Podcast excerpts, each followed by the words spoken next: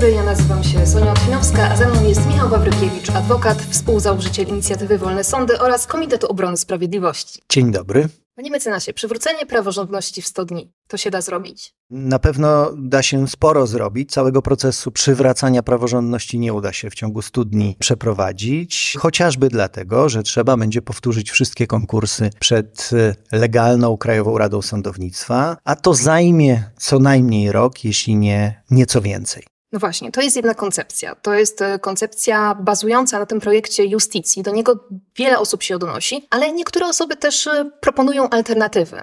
Na przykład mówią o tym, żeby weryfikować każdego sędziego z osobna. To jest jak na razie jedyna koncepcja, która jest poparta projektem ustawy, przedyskutowanym w środowiskach e, zarówno obywatelskich, jak i prawniczych. I moim zdaniem jest to jedyna sensowna koncepcja, którą w tej chwili popiera absolutna większość autorytetów prawnych, profesorów, konstytucjonalistów, którzy no, obserwowali ten proces niszczenia praworządności w ciągu ostatnich ośmiu lat. Powiem, dlaczego jest to jedyna rozsądna koncepcja. Indywidualna weryfikacja, neosędziów zakłada po pierwsze, że wyłączamy z tego procesu wszystkich tych uczciwych, e, wspaniałych e, sędziów, którzy przez ostatnie sześć lat, od kiedy istnieje NeoKRS, nie brali udziału w konkursach, dlatego że nie chcieli legitymizować niekonstytucyjnej NeoKRS, organu, który zgodnie z wieloma orzeczeniami sądów nie jest Krajową Radą Sądownictwa, o której mowa w artykule 186 Konstytucji. Ci wszyscy wspaniali sędziowie to są tysiące sędziów, którzy nie brali udziału w konkursach przed NeoKRS-em. Przy indywidualnej weryfikacji neosędziów nie mogliby uczestniczyć. Natomiast powtórzenie konkursów, czyli idea, pomysł, który jest forsowany przez Stowarzyszenie Sędziów Polskich Justicja, zakłada, że wszystkie konkursy zostaną powtórzone zarówno z udziałem neosędziów, którzy startowali w tych konkursach przed niekonstytucyjnymi konstytucyjną neo-KRS, jak i sędziów, którzy mają kompetencje, którzy też potrafili zachować się przyzwoicie w ciągu ostatnich lat i pokazali, jak powinien zachować się prawdziwy prawnik, który nie uczestniczy w destrukcji państwa prawa, nie jest tym, jak mówi profesor Włodzimierz Wrubel, akuszerem niszczenia państwa prawa. I przy powtórzeniu tych konkursów każdy będzie mógł, będzie miał prawo, gwarancję odwołania się do sądu, bo będzie mógł odwołać się do Sądu Najwyższego, do Izby Pracy i Ubezpieczeń Społecznych, czyli do prawdziwego, niezależnego, bezstronnego sądu. Ten proces jest e, całkowicie sprawiedliwy. To nie jest żadne polowanie na czarownicę, bo proces indywidualnej weryfikacji trochę takim polowaniem na czarownicę byłby. No i jeszcze dochodzi z takiego adwokackiego punktu widzenia kwestia dowodowa. Nie jesteśmy w stanie wykazać, że ci ludzie, którzy startowali w tych e, quasi konkursach przed NeoKRS-em, które były w dużej mierze ustawkami jeden na jeden. Jedno stanowisko sędziowskie stawia się jeden człowiek, który jest e, oportunistą i zapewnił, że będzie lojalny wobec władzy i on został wybrany. Cała masa sędziów nie startowała w tym procesie. Tyle tylko, że nie jesteśmy w stanie w żaden sposób wykazać dowodowo tej sieci powiązań towarzyskich, które spowodowały, że właśnie ta osoba została wybrana. To jest niemożliwe. No i jeszcze argument czasu czasowy musimy ten proces przywracania prawidłowości funkcjonowania sądownictwa przeprowadzić szybko. To nie może trwać następne 10 lat. To musi się wydarzyć w ciągu najbliższego roku, półtora roku, a tego typu indywidualne weryfikacje zajęłyby długie lata i być może nie zakończyłyby się niczym pozytywnym. Społeczeństwo, myślę też, które dało sygnał w wyborach, chce takiej prawdziwej, realnej naprawy wymiaru sprawiedliwości, przywrócenia też fundamentalnych zasad przyzwoitości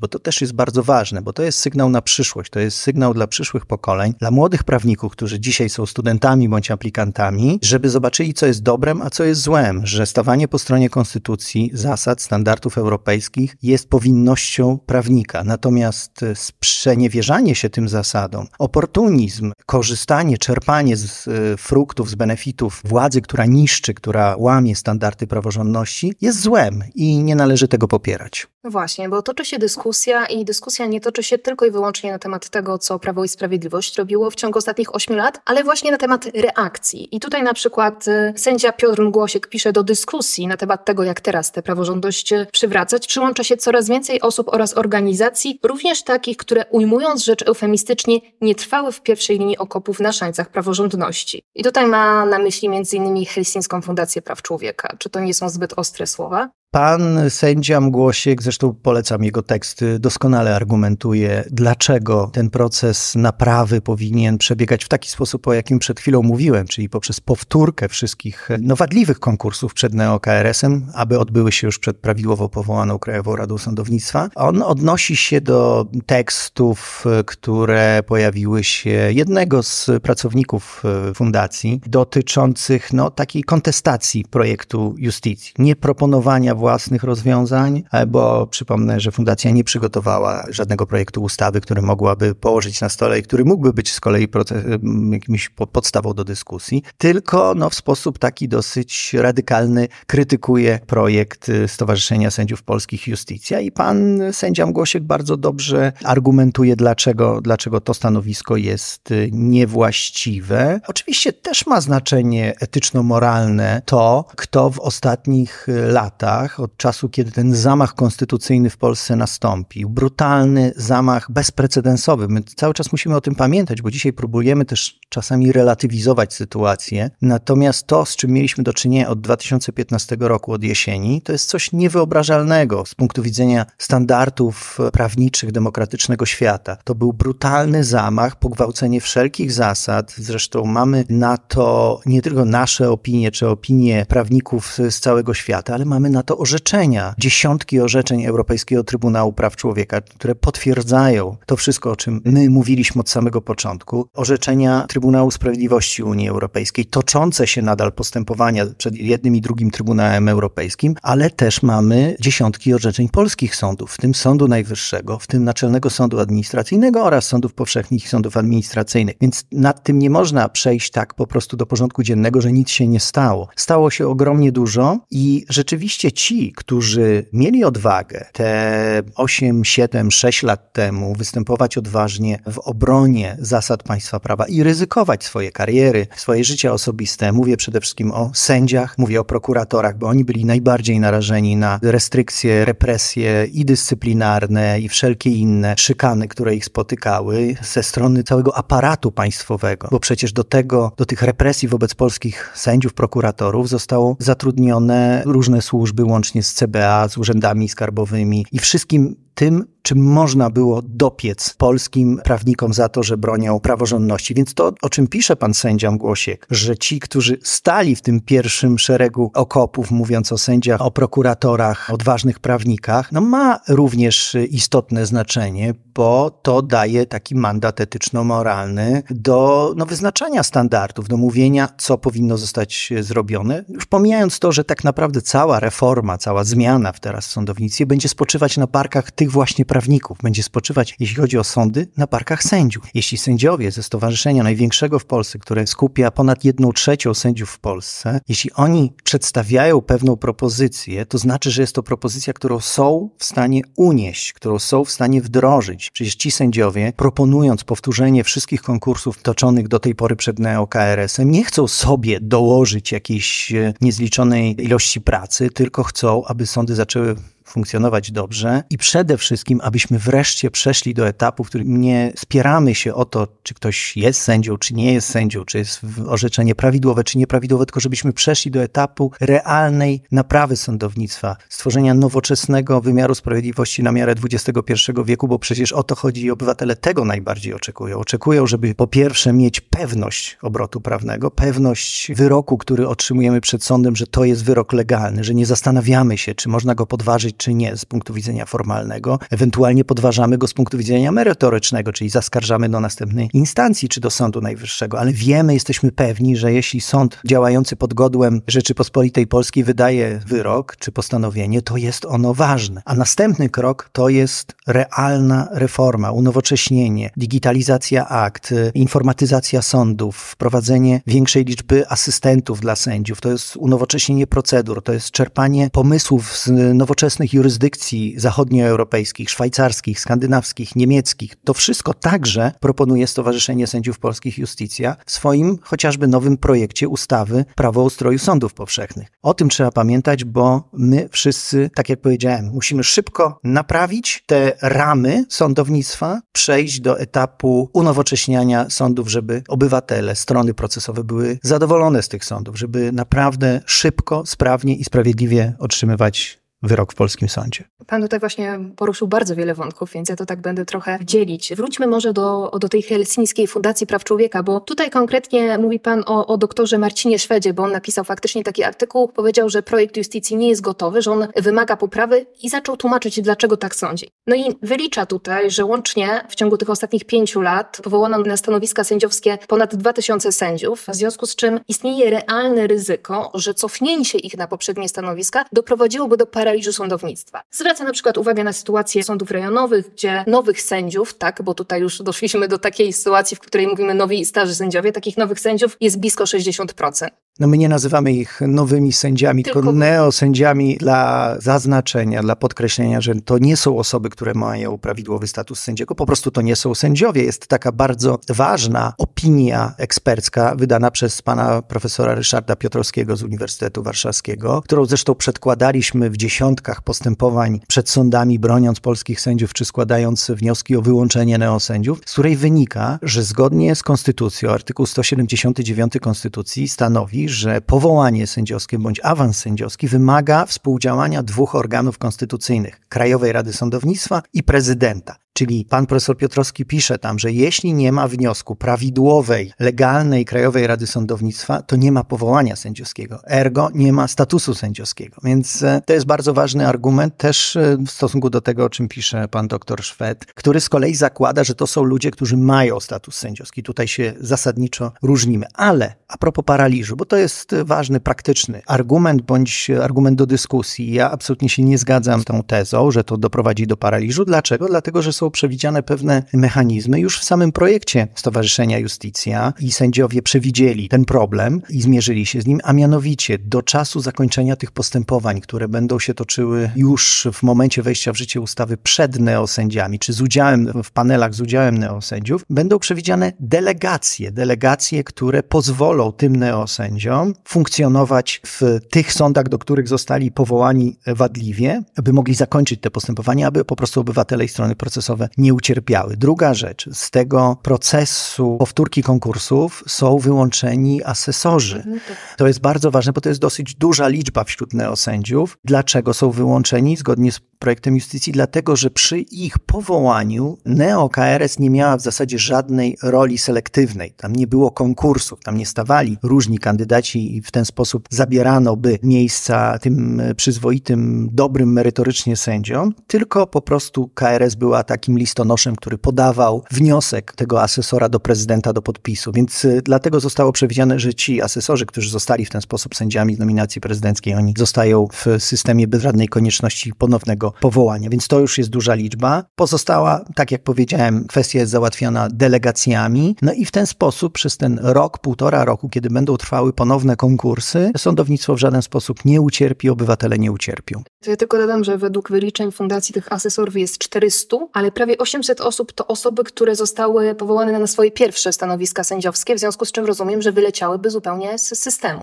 tak jak powiedziałem, nie wyleciałyby z systemu automatycznie, tylko startowałyby ponownie w konkursach. Więc to jest powtórka konkursu i to może być w procesie legislacyjnym jeszcze doprecyzowane, na przykład, że do czasu, kiedy te konkursy nie zostaną zakończone, oni będą mogli funkcjonować, aby zakończyć postępowania, aby właśnie nie prowadzić do jakiegokolwiek chaosu, paraliżu. Natomiast jeśli przegrają na końcu ten ponowny konkurs przed Krajową Radą Sądownictwa, już tą prawidłową konstytucyjną, no to zastąpi ich ta osoba, która zostanie wybrana w tym konkursie, więc również tu nie ma problemu. No dobrze, panie mecenasie, to w takim razie jak powołać e, KRS w nowym konstytucyjnym składzie, mając na uwadze to, że taki proces legislacyjny zawsze musi się skończyć podpisem prezydenta? Pierwsza kwestia to jest jak najszybciej zakończyć funkcjonowanie tego quasi nielegalnego organu, jakim jest NeoKRS. Tutaj mamy szereg wyroków, o których już wcześniej wspominałem, które wprost mówią, począwszy od e, sprawy AK,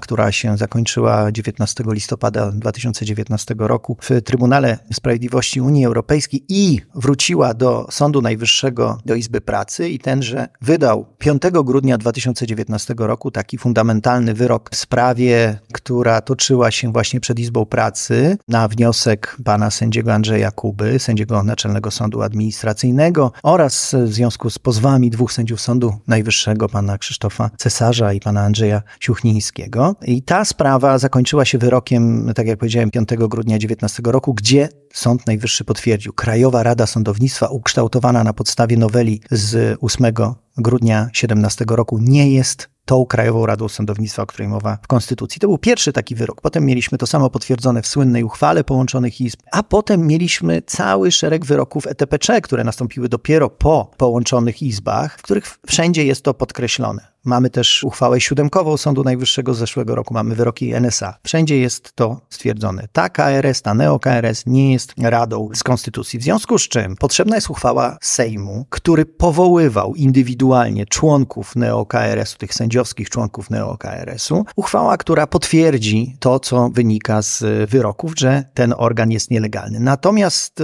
i to jest pierwszy krok, dlatego że to zatrzyma ten szaleńczy proces, który trwa teraz przed neo-KRS-em bo widzimy, że NeoKRS w jakimś ogromnym tempie próbuje jak najszybciej dopompować do systemu jak największą liczbę neosędziów, zgodnie z ich dewizą, która była prezentowana i przez ministra Ziobrę, i przez sam NeoKRS wpompujmy do systemu jak najwięcej neosędziów, bo tego nie da się odwrócić. No to jest błędne założenie. Oczywiście da się to odwrócić i to, czy teraz NeoKRS wpompuje kolejnych 200 osób przy udziale prezydenta czynnym, bo niestety prezydent tu bardzo czynnie uczestniczy w tym poważnym delikcie konstytucyjnym, jakim jest powoływanie neosędziów do sądownictwa. Jeśli nawet wpompuje kolejnych 200 osób, to i tak to niczego nie zmieni, bo oni będą musieli stanąć do ponownych konkursów. Natomiast ważne jest, żeby ten proces zahamować i dlatego jest potrzebne potrzebna pilna uchwała Sejmu w tym zakresie. Natomiast, żeby powołać już prawidłową Krajową Radę Sądownictwa, która będzie funkcjonować zgodnie z zasadami konstytucyjnymi, czyli gdzie piętnastkę sędziowską będą powoływać sędziowie, potrzebna jest ustawa. Musimy mieć nową ustawę o Krajowej Radzie Sądownictwa. Ona oczywiście też jest gotowa. Ona już została nawet złożona do Sejmu w ramach porozumienia dla praworządności. Przypomnę, na przełomie 21-22 szeroka koalicja organizacji obywatelskich, w tym my, Wolne Sądy, również uczestniczyliśmy. Zaprosiła również partie demokratyczne opozycyjne do udziału w tej koalicji i ta koalicja koniec końców złożyła do Sejmu projekt ustawy. Tam jest między innymi mowa o tym, jak należy powołać prawidłowo nową konstytucyjną Krajową Radę Sądownictwa. Oczywiście Trzeba się liczyć z tym, że taka ustawa zostanie położona na stole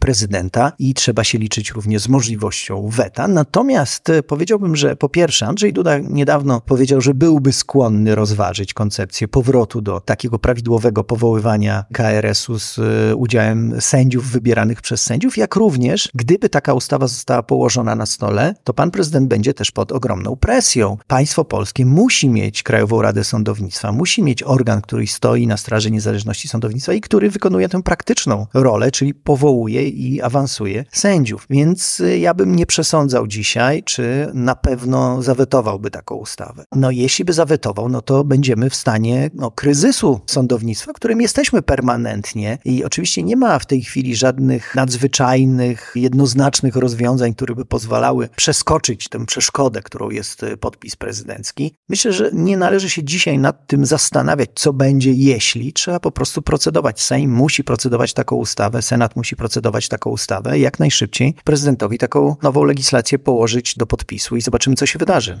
Pan wcześniej mówił o tym, że organizacje, które aktywnie walczyły o praworządność przez ostatnie 8 lat, mają Pana zdaniem jednak ten mandat moralny, etyczny do tego, żeby mieć większy wpływ na to, jak to sądownictwo będzie wyglądać teraz. I ja się chciałam spytać w nawiązaniu do tego, no bo rozumiem, że inicjatywa Wolne Sądy, która się spotykała z potencjalnym premierem Donaldem Tuskiem już dwa dni po wygranych wyborach opozycji, no pewnie będzie miała dużo do powiedzenia. O czym rozmawialiście Państwo podczas tego spotkania? Czy to było takie spotkanie, powiedzmy, zapoznawcze, rozpoznawcze, czy padały tam już jakieś konkretne propozycje? Akurat, akurat to spotkanie to było bardziej spotkanie kurtuazyjne i to był e, taki dobry sygnał, że lider zwycięskiej opozycji dzień po opublikowaniu opublikowaniu wyników wyborów spotyka się z przedstawicielami społeczeństwa obywatelskiego, tego zaangażowanego w obronę praworządności. Także ja to odczytywałem wówczas jako no, taki bardzo dobry znak, że się zmienia, że przez 8 lat w ogóle społeczeństwo obywatelskie nie było słuchane, nie było dopuszczane. Ja pamiętam 2017 rok, kiedy były uchwalane te potworne ustawy właśnie, które doprowadziły do całego kryzysu w wymiarze sprawiedliwości i organizacje społeczne dopraszały się, żeby chociażby spotkać się z prezydentem Andrzejem Dudą, aby przedstawić mu swoje racje,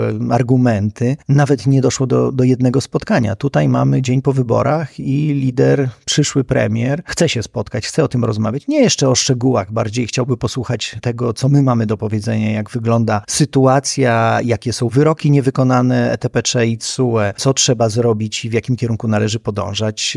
Czy my będziemy mieli coś do powiedzenia? Będziemy starali się na pewno na forum publicznym zgłaszać swoje propozycje, argumentować, wspierać Stowarzyszenie Sędziów Polskich Justicja, wspierać Fundację Batorego, która przygotowała ustawę o Trybunale Konstytucyjnym i przepisy przejściowe, wspierać Lex Super Omnia, czyli Stowarzyszenie Prokuratorskie, które przygotowało nową ustawę o prokuraturze, czyli wspierać tych, którzy się znają na tym, na tej materii i też, tak jak powiedziałem, mają mandat etyczno-moralny, ponieważ przez ostatnie 8 lat e, stawali w obronie praworządności, mówili głośno, nie siedzieli z tyłu, z boku, po cichu i no, być może jedynie w, w jakichś tam e, wąskich e, kręgach towarzyskich wyrażali swoje poglądy, tylko mówili odważnie na forum publicznym o tym. I to jest bardzo ważne. I myślę, że z drugiej strony ci wszyscy, o których teraz wspomniałem, którzy przygotowali projekty ustaw, byli każdego dnia na tym froncie obrony praworządności, czyli znają materię najlepiej, znają wszystkie sprawy, wiedzą, co się działo każdego dnia w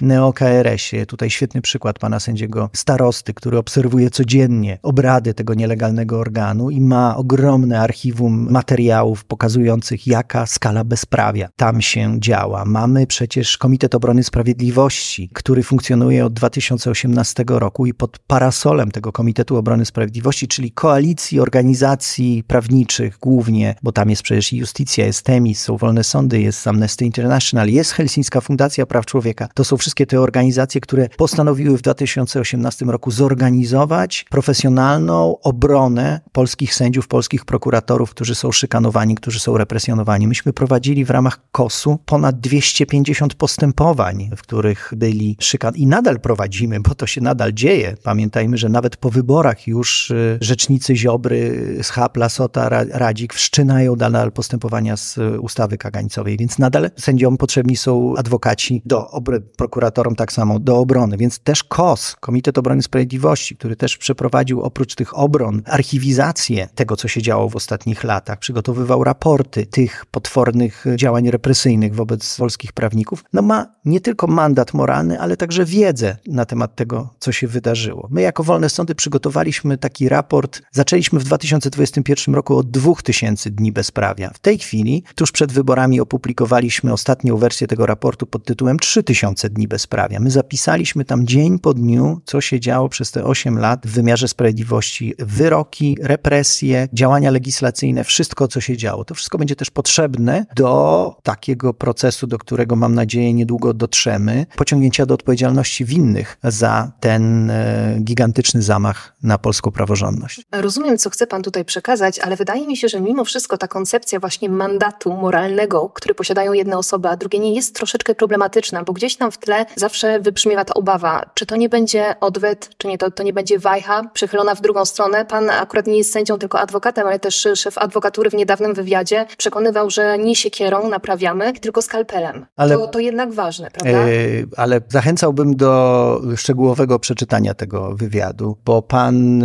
mecenas Rosati, który jest y, szefem Naczelnej Rady Adwokackiej, również mówi dokładnie o tym samym. Mówi o procesie ponownego przeprowadzenia konkursów przed legalną Krajową Radą Sądownictwa i taki proces nie jest żadną siekierą, jest po prostu sprawiedliwym, transparentnym i ze wszechmiar przyzwoitym procesem przywracania praworządności. Oczywiście nie mówię, jeśli pani wraca do tego mandatu etyczno-moralnego, że no, nikt nie ma prawa wyrażać swoich obaw czy, czy sugestii. Oczywiście, jak najbardziej jesteśmy, mamy nadzieję, że wracamy do demokracji, gdzie każdy będzie mógł się na ten temat wypowiedzieć, tylko zachęcałbym, że jeśli ktoś ma jakiś pomysł, to niech ten pomysł przygotuje, niech przygotuje projekt ustawy położy na stole, wtedy będzie o czym dyskutować. No na razie jedynym projektem, jeśli chodzi o, jedynymi projektami, jeśli chodzi o naprawę praworządności, naprawdę solidnie zrobionymi i zweryfikowanymi w konsultacjach społecznych, to jest to, co zrobiła Fundacja Batorego, to jest to, co zrobiło Stowarzyszenie Justicja i to jest to, co zrobiło Stowarzyszenie Lex Superomnia. Na stole nie ma nic innego. Bardziej chodzi mi chyba o taką ogólną obawę związaną z tym, że jeśli sędziowie,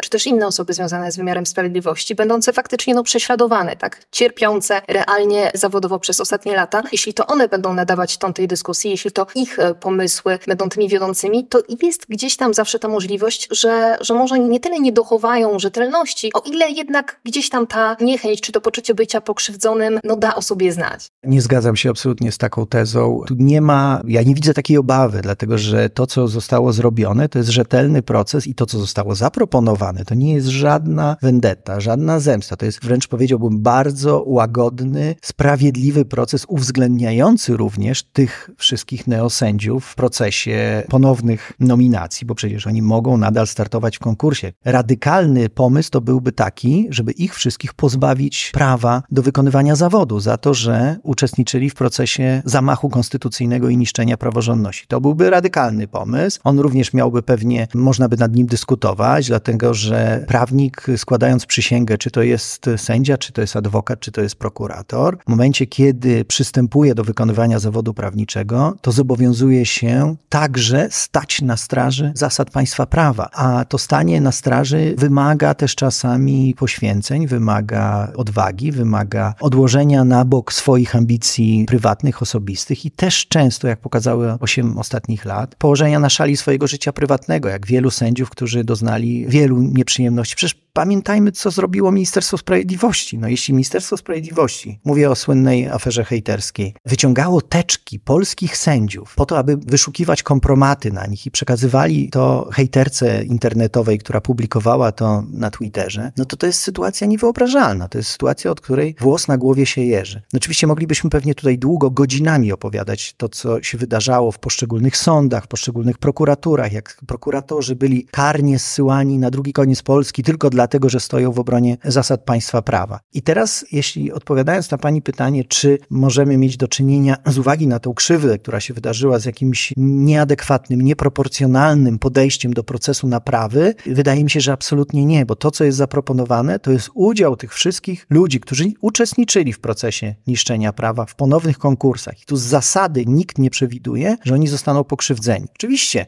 na pewno będą toczone postępowania dyscyplinarne wobec wielu z nich, którzy przekroczyli zasady przyzwoitego zachowania i przede wszystkim sprzeniewierzyli się przysiędze, czy sędziowskiej, czy prokuratorskiej. Będą też na pewno toczone postępowania karne, wierzę w to, kiedy będzie wreszcie niezależna prokuratura, bo wiele z zachowań, z którymi mieliśmy do czynienia, szczególnie po wyrokach, które zapadły, kiedy była pełna świadomość, że jest naruszane prawo, to były zachowania z zakresu przekroczenia uprawnień, nadużycia władzy, niedopełnienia obowiązków, więc one na pewno mają również podstawy do kwalifikacji prawnej jako Ale to wszystko będzie się działo już przed niezależną prokuraturą, przed niezależnymi sądami, z zachowaniem wszelkich gwarancji procesowych, prawem do obrony, instancyjności itd. Tak na pewno będzie też to kontrolowane przez Europejski Trybunał Praw Człowieka, więc y, nie obawiam się, żeby ten proces przywracania praworządności no, nie spełniał standardów europejskich. Natomiast powiem wyraźnie i wprost, nie możemy tego procesu przywracania praworządności zaniechać, rozmyć go, doprowadzić do tego, że on nie będzie miał żadnych efektów, dlatego że jesteśmy odpowiedzialni przed przyszłością, przed historią, żeby to się nigdy więcej nie powtórzyło. Bo jeśli tego nie zrobimy, jeśli nie przeprowadzimy zdecydowanego, jasnego, klarownego procesu przywracania tej przyzwoitości i praworządności, to za parę lat wydarzy się to sam. Ale wtedy już nikt z prawników, nikt z obywateli nie stanie w obronie państwa prawa, bo powie, to się nie opłaca. Zobaczcie, co się wydarzyło. Zobaczcie, że ci, którzy stali w obronie praworządności, zostali odsunięci na bok, a ci, którzy czerpali z przestępstw, z deliktów, z tego oportunizmu, zostali nagrodzeni. Tak nie może być. A pan myśli, że te dwie kategorie sędziów rozmyją się, znikną? Mówię tutaj o sytuacji, w której faktycznie doszłoby do ponownych powołań i prawnie sytuacja byłaby czysta, ale mentalnie wydaje się, że ta wyrwa i ten podział w środowisku sędziowskim był jednak ogromny. To były dwie kategorie, z których no jedna była lepsza od drugiej, w zależności od tego, z której strony się patrzyło. Ciężko później funkcjonować w ramach jednej instytucji. No oczywiście, że to jest ogromnie poważny problem, który tak z dnia na dzień nie zostanie przez uchwalenie ustawy załatwiony. Natomiast najważniejsze jest e, z punktu widzenia odbiorców wymiaru sprawiedliwości, klientów wymiaru sprawiedliwości, czyli nas wszystkich obywateli,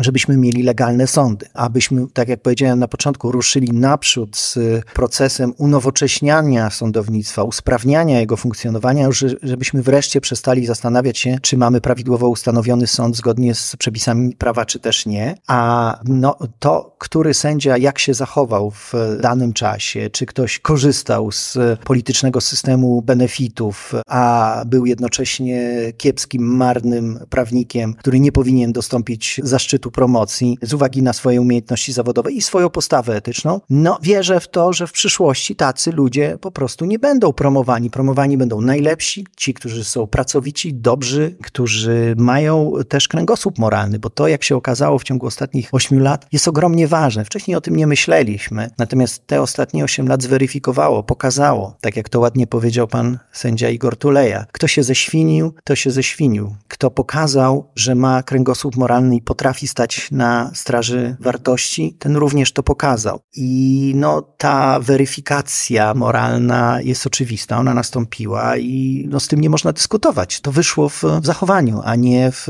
żadnych formalnych dokumentach, więc to na pewno będzie rzutowało na przyszłość. I to, o co pani pyta, czy te animozje w sądownictwie pozostaną? Oczywiście, że pozostaną przez jakiś czas, ale nie możemy się w tej chwili na tym zatrzymywać i nad tym deliberować, bo to nie jest najważniejsze. Najważniejsze jest to, abyśmy przywrócili prawidłowość funkcjonowania sądownictwa i zaufanie, autorytet wymiaru sprawiedliwości. I to nie tylko na arenie wewnętrznej, krajowej w stosunku do tych, którzy korzystają z sądów, bo to jest ogromnie ważne, ale równie ważne jest przywrócenie autorytetu polskiego wymiaru sprawiedliwości na arenie międzynarodowej, szczególnie europejskiej. Pamiętajmy, że jesteśmy członkiem Unii Europejskiej i polskie sądy są elementem europejskiej przestrzeni prawnej, więc one muszą spełniać standardy, o których mowa w artykule 19 Traktatu o Unii Europejskiej, o którym mowa w artykule 47 Karty Praw Podstawowych. To muszą być niezawisłe, bezstronne sądy ustanowione na podstawie prawa, które zapewniają skuteczną ochronę sądową i muszą muszą zapewniać to zaufanie, które, bo przecież europejskie sądownictwo, cała europejska przestrzeń prawna funkcjonuje na zasadzie automatyzmu, zaufania. My wykonujemy wyroki, które zapadają na Cyprze, Malcie, we Francji, Niemczech czy Szwecji. I tak samo polskie wyroki muszą być automatycznie wykonywane we Włoszech, w Czechach czy w innych krajach Unii Europejskiej, a tak teraz nie jest. W tej chwili polskie sądy nie cieszą się zaufaniem z uwagi na ten gigantyczny zamach konstytucyjny, który został na polskie sądy wykonany, no i brak systemowej niezależności i bezstronności. Panie mecenasie, a co to jest właściwie praworządność? Bo to jest to słowo, ono zostało już tak wyświechtane, tak często jest używane, że dla niektórych to jest e, jakiś kij na przykład, którym nas Bruksela okłada. Dla innych praworządność to na pewno jest opozycja, a jej brak to jest PiS. Więc e, nabrało to trochę takich politycznych zabarwień, tak? I ja się chciałam zapytać tak trochę filozoficznie, no bo czym o praworządność? Dlaczego przeciętny Polak powinien się o tą praworządność e, martwić? Czy ona działa w ogóle na jego korzyść? Gdzie on się może zetknąć z tym brakiem praworządności w swoim własnym życiu? To jest bardzo dobre pytanie i aktualne dzisiaj, bo rzeczywiście ogromna propaganda, z którą mieliśmy do czynienia w ciągu ostatnich lat, spowodowała przynajmniej próbę zniekształcenia pojęcia praworządności, ale dla nas, dla prawników, tutaj nie ma najmniejszego problemu z odkodowaniem tego pojęcia, bo to jest praworządność, to jest po prostu państwo prawa, demokratyczne państwo prawa, które respektuje zarówno decyzje, jak i wyroki wszystkich organów państwa, władzy wykonawczej, władzy ustawodawczej i władzy sądowniczej. To jest państwo, w którym obywatele muszą przestrzegać prawa i wyroków sądów, ale także władza musi przestrzegać prawa i wyroków sądów. To wszystko podlega kontroli niezależnego sądownictwa. Niezależne sądownictwo jest dlatego takim fundamentem praworządności, ponieważ to jest jedyna skuteczna droga do ochrony praw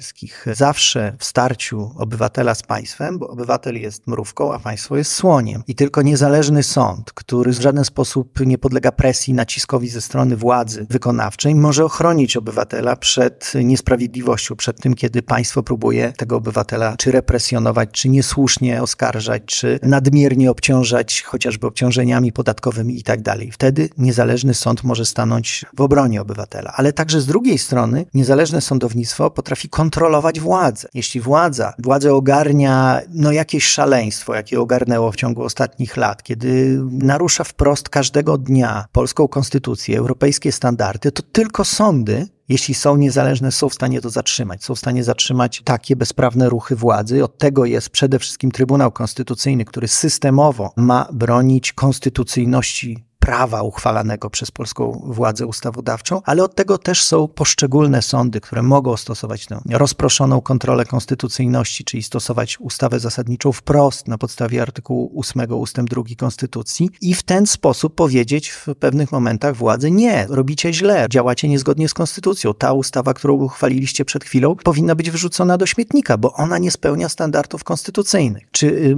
nałożone bezpośrednio na obywatela obciążenia również nie spełniają standardów, powinny zostać zweryfikowane. I od tego jest e, niezależne sądownictwo i tym jest właśnie praworządność. Każdy z nas się przekonał w ciągu ostatnich lat, szczególnie na takich przykładach najbardziej jaskrawych, jak e, chociażby quasi wyrok e, aborcyjny Trybunału Julii Przyłębskiej, kiedy przecież tysiące nie tylko kobiet, ale w ogóle obywateli wyszło na ulicę i protestowało, bo wbrew konstytucji organ nielegalny nałożył bardzo restrykcyjne ograniczenia w zakresie praw swobód obywatelskich. Demonstracje, stan nadzwyczajny, pamiętajmy 20 rok, y, pandemię, sytuację absolutnie oczywistą, kiedy powinien być wprowadzony stan klęski żywiołowej, czyli jeden ze stanów nadzwyczajnych określonych w Konstytucji. No i co? Nie mamy Trybunału Konstytucyjnego, nie mamy możliwości zweryfikowania działań, czy to rządu, czy innych organów władzy, także władzy ustawodawczej. No i dzieje się bezprawie. Dzieje się bezprawie. Rząd nie wprowadza tego stanu nadzwyczajnego, nikt tego nie może zweryfikować. Rząd może sobie robić co chce, może zorganizować wybory prezydenckie w trakcie pandemii, pomimo tego, że powinien trwać stan nadzwyczajny i to wszystko, wszystkie te działania powinny, takie jak wybory, powinny być przesunięte na później, na trzy miesiące po zakończeniu stanu nadzwyczajnego. Prawa przedsiębiorców. Mieliśmy przecież do czynienia z